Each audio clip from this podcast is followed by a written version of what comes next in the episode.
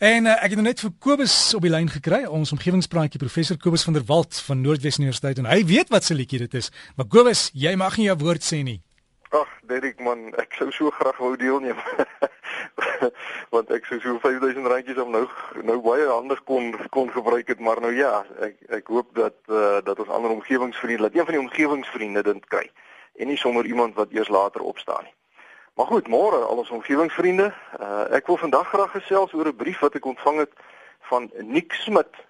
Nou Nick het nie aangedui of hy 'n titel het nie, maar uit sy uitgebreide kennis oor hidrografie sal ek nog glad nie verbaas wees as die as uh, die Nick 'n dokter of 'n professor is nie. Maar hoe dit nou ook al sê, Nick skryf dat hy verstom staan oor hoe die wetenskaplikes deesdae die seevlak so noukeurig kan meet dat hulle kan sê dat dit met enkele millimeters gestyg het. Hy sê met die ou meganiese getymeters van sy dae het hulle die grafieke met 'n potlood nagetrek om die gemiddelde lesings te kry. En dit was vanweer die groot bewegings van die seevlak selfs binne in die stilling well, soos hy dit noem. Nou ek onderbreek gou niks se brief net om te verduidelik wat se ding 'n stilling well is. Ek het nou ongelukkig nie 'n Afrikaanse vertaling daarvoor nie, maar dit is basies 'n lang pyp waarvan die een kant dan nou diep onder in die water ingedruk word en daar is onder in die pyp 'n baie klein gaatjie. So die water kan uh, baie stadig deur daai gaatjie beweeg. So die watervlak binne in die pyp word dan nou baie min beïnvloed deur byvoorbeeld golwe in die see omdat daar nou net 'n baie klein hoeveelheid water stadig deur die gaatjie kan vloei. So mense kan dus die seevlak redelik akkuraat meet met so 'n stilling well. Nou terug by Nick se brief. Hy sê hulle het mettertyd oorgeskakel na akoestiese meters wat nie baie suksesvol was nie en nog later is radarmeters gebruik uh, om dan nou die gemiddelde seevlak oor 'n periode waar te neem. Hy sê om die wêreldwye seevlak te bepaal is egter glad nie maklik nie. Want alhoewel mense sou verwag dat die watervlak in die see op alle plekke op aarde gemiddeld presies ewe hoog sal moet wees, is dit nie so nie. Nik sê wanneer die Agulhas-stroom byvoorbeeld langs die ooskus van Suid-Afrika afvloei, is die binneste rand van die stroom ongeveer 'n meter hoër as die vlak van die see aan die kus. Hy sê die wervels wat afbreek van die oostelike Madagaskar stroom is weer ongeveer 'n halwe meter hoër in die middel wanneer hulle in een rigting wentel en 'n halwe meter laer in die middel as hulle in die teenoorgestelde rigting wentel. Die westelike deel van die Atlantiese Oseaan is ook gemiddeld hoër as die oostelike deel en die getye aan die ooste kant van die Britse eilande is besig om hoër te word terwyl dit aan die weste kant daal omdat die hele eiland besig is om te kantel. Nik sê dat lugdruk ook 'n rol kan speel. En so maak die laagdrukselle wat langs die Weskus afbeweeg 'n verskil aan die hoogte van die seevlak. En as so 'n laagdruksel intens genoeg is en teen die regte spoed beweeg, veroorsaak dit 'n sogenaamde edge wave wat enorme piekwaardes kan lewer wat selfs soms met 'n tsunami verwar kan word. Hy sê dat wanneer die suidooste wind byvoorbeeld in Valsbaai inwaai, dan hoop dit die water op in die noordelike deel van die baai en die omgekeerde uh, omgekeerde gebeur as die noordweste wind waai. Hy sê by die hidrografie kantoor is daar 'n rekord waar die getuigolf by Loedrits op 'n keer tussen die kontinentale vlakte en die kus geosilleer het en daar dus 'n hoogwater en 'n laagwater elke 20 minute voorgekom het en hierdie osillasie het vir 12 ure lank aangehou. Nik sê benewens al die faktore wat hy genoem het, die getuimeters wat in gebruik is, nie so akkuraat is dat mens globale seevlakstygings van enkele millimeter akkuraat kan meet nie. Nou vra hy of die wetenskaplikes dalk deesdae 'n wiskundige gemiddelde van 'n sekere punt gebruik of hoe maak hulle nou om te kan sê die seevlak is besig om te styg. Hy sê die langste getuirekord wat by die Suid-Afrikaanse Hidrografie kantoor is, is die van Port Nolloth en dit strek oor omtrent 60 jaar. En hy sê 'n mens het eintlik 'n baie sterk verbeelding nodig om 'n verandering te bespeer. Nou ja, baie dankie Nick Smit vir die interessante brief. En hier het ons nou uit die mond van 'n kenner gehoor dat om die seevlak te meet glad nie 'n maklike of 'n een eenvoudige taak is nie. Maar dit is 'n uiters belangrike meting om te maak omdat die hoogte van alles op land en vliegtye se se vlieghoogte en alles word uitgedruk in hoogte bo seevlak. So ons moet weet hoe hoog die seevlak is. Meneer Smit het in sy brief nie eens melding gemaak van al die faktore wat die seevlak kan beïnvloed nie.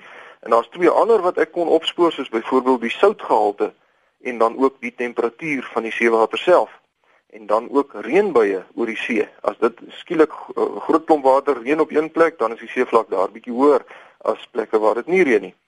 As mens die aarde nou sou sou kon verskuif na die diep ruimte toe, waar daar geen sterre, maane of ander planete naby is nie en daar ook nie 'n son is wat voortdurend die een kant van die aarde verwarm nie, dan sou die hele see natuurlik mettertyd ophou beweeg het en naderhand soos 'n doodstil poel water geword het. Reën en winde sou opgehou het en riviere sal ophou vloei en slegs dan sal mens die seevlak se hoogte 100% akkuraat kan meet.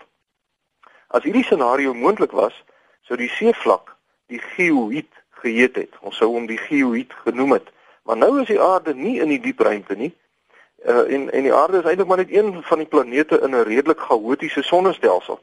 En daarom is daar talle faktore wat die seevlak se hoogte gedurig beïnvloed, soos wat ons nou bespreek het. Ehm um, en die gebruik van die stilling well wat ek net nou bespreek het, is steeds 'n 'n uh, 'n uh, manier hoe die wetenskaplikes die korttermyn effek van golwe grootliks uitskakel. En as mens nou 'n langtermyn datastel het, kan die gemiddelde waarde vir jou 'n baie goeie idee gee van hoe hoog die seevlak is. Iets wat bygekom het is satellietwaarnemings.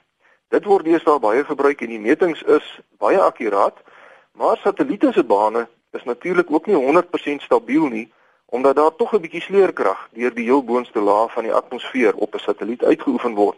Maar die ouens weet daarom gewoonlik baie akkuraat waar 'n satelliet is, so daardie data is baie akkuraat. Die groot voordeel van satelliete is egter dat hulle ontsaglik baie metings kan doen oral op aarde en die reuse datastel gee vir ons meer akkurate aanduidings van wat aan die gebeur is.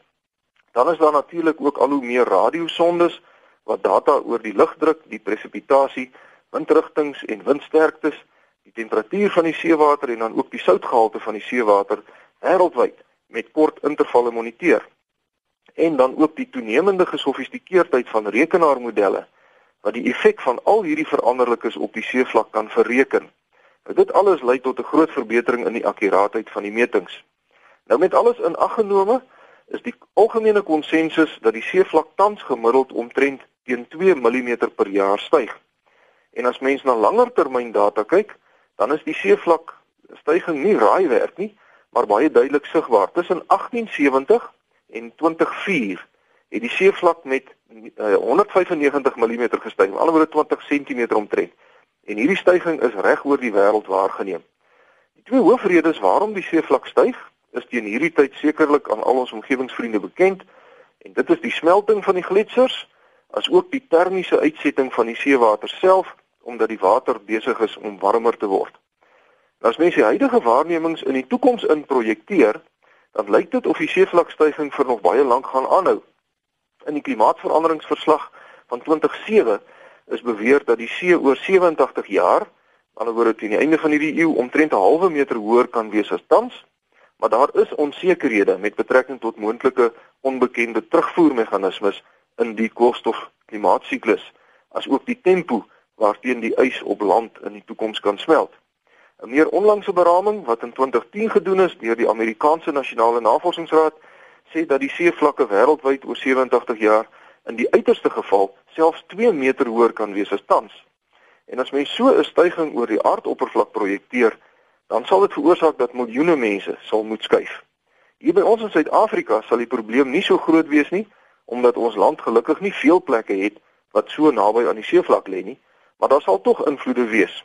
En 'n baie oulike webwerf wat ek raak geloop het, se naam is flood.firetree.net. Flood soos Engelse vloed. flood.firetree vierboom flood.firetree.net. Nou dit is 'n webwerf waar mense 'n interaktiewe kaart van die hele wêreld kry waarop jy kan sien hoe die landskap gaan verander as die seevlak verskillende hoogtes gaan styg. 'n Mens kan die die hoogte in meter kan jy insit en dan kan jy inzoom na enige plek op aarde toe. En as mens nou op hierdie kaart kyk na plekke soos Holland, die Mississippi Delta, die meeste stede aan die ooskus van die VSA en dan ook stede soos Venesië in Italië en ook die deltas in Bangladesh, dan kan mense 'n prentjie begin vorm oor die waarskynlike gevolge van seevlakstygings. Daar word beraam dat 'n 2 meter styging etlike honderde miljoene mense se lewens sal ontwrig en dit sal ook natuurlik nog groter druk plaas op die oorblywende landbouhulpbronne om genoeg voedsel te verbou vir die steeds groeiende bevolking van die aarde. Ons weet dat as al die ys op Groenland sal smelt, die seevlak in die orde van 7 meter hoër sal wees as tans. En kyk gerus op die webwerf flood.firetree.net hoe die stad Londen byvoorbeeld sal lyk as die see 7 meter hoër gaan wees as tans. Mens kan ook na New York kyk, dis nogal skrikwekkend. Baie dankie meneer Nick Smit vir u uitstekende brief. En dan omgewingsvriende sluit ek graag vanoggend af met iets heel anders. Dis 'n interessante nuusbrokkie wat 'n goeie vriend van my Dr. Bertus Leroux wat saam met my hier by die pik werk onder my aandag gebring het. En dit is dat daar in 'n onlangs gepubliseerde artikel in die vaktydskrif Geomorphology berig word dat weerligstrale verantwoordelik kan wees vir sommige van die hoekige ruwe stylkranse van die Drakensberge. Twee navorsers van die Universiteit van die Witwatersrand het gekyk na die magnetiese eienskappe van die Drakensberg basalte en dit blyk nou dat 'n weerligstraal 'n stukkie van die basaltiese gesteentes kan smelt waar dit die aarde tref en daardie stukkie rots neem dan die aarde se magnetiese rigting aan as hy dan nou weer afkoel. En op hierdie wyse kan mens presies sien waar weerligstrale oral die berg raak geslaan het. En dit blyk nou dat die ruwe rotse nie net aan die werking van ys wat die rotse uitmekaar breek toegeskryf kan word soos wat die meeste mense tot nou toe geglo het nie, maar dat weerlig in sommige gevalle die rotse letterlik kan laat ontplof. Wat beteken dat landskappe nie noodwendig oor eeue heen ontwikkel het nie in alle gevalle nie, maar dat dit ook in korter tye op 'n dramatiese wyse kan vorm. En dis natuurlik inligting wat belangrik is vir die hele debat oor hoe presies alles op aarde tot stand gekom het. Dis egter iets hierdie debat is iets wat ek ander dag oor sal moet verder gesels want ek sien my tydjie is op vir oggend. Ons omgewingsvriende kan gerus vir my skryf. My rekenaaradres is kobus.vanderwalt@nwu.ac.za of ek is by die fakulteit Natuurwetenskappe Noordwes Universiteit Potchefstroom 2520. Kom ons hoop regtig dit reën mildelik. Ek ry nogal deur die land. Ek sien dit is baie droog en uh, ons boere het dit dringend nodig. So kom ons hoop dit reën en uh, vriendelike groete dan vir al ons omgewingsvriende tot 'n volgende keer. Tot die volgende keer dan Kobus van der Walt ons omgewingspraatjie daar van Noordwes Universiteit. Daai e-posadres is kobus met 'n k, kobus.vanderwalt by nwu.ac.za. kobus.vanderwalt met mekaar by nwu.ac.za.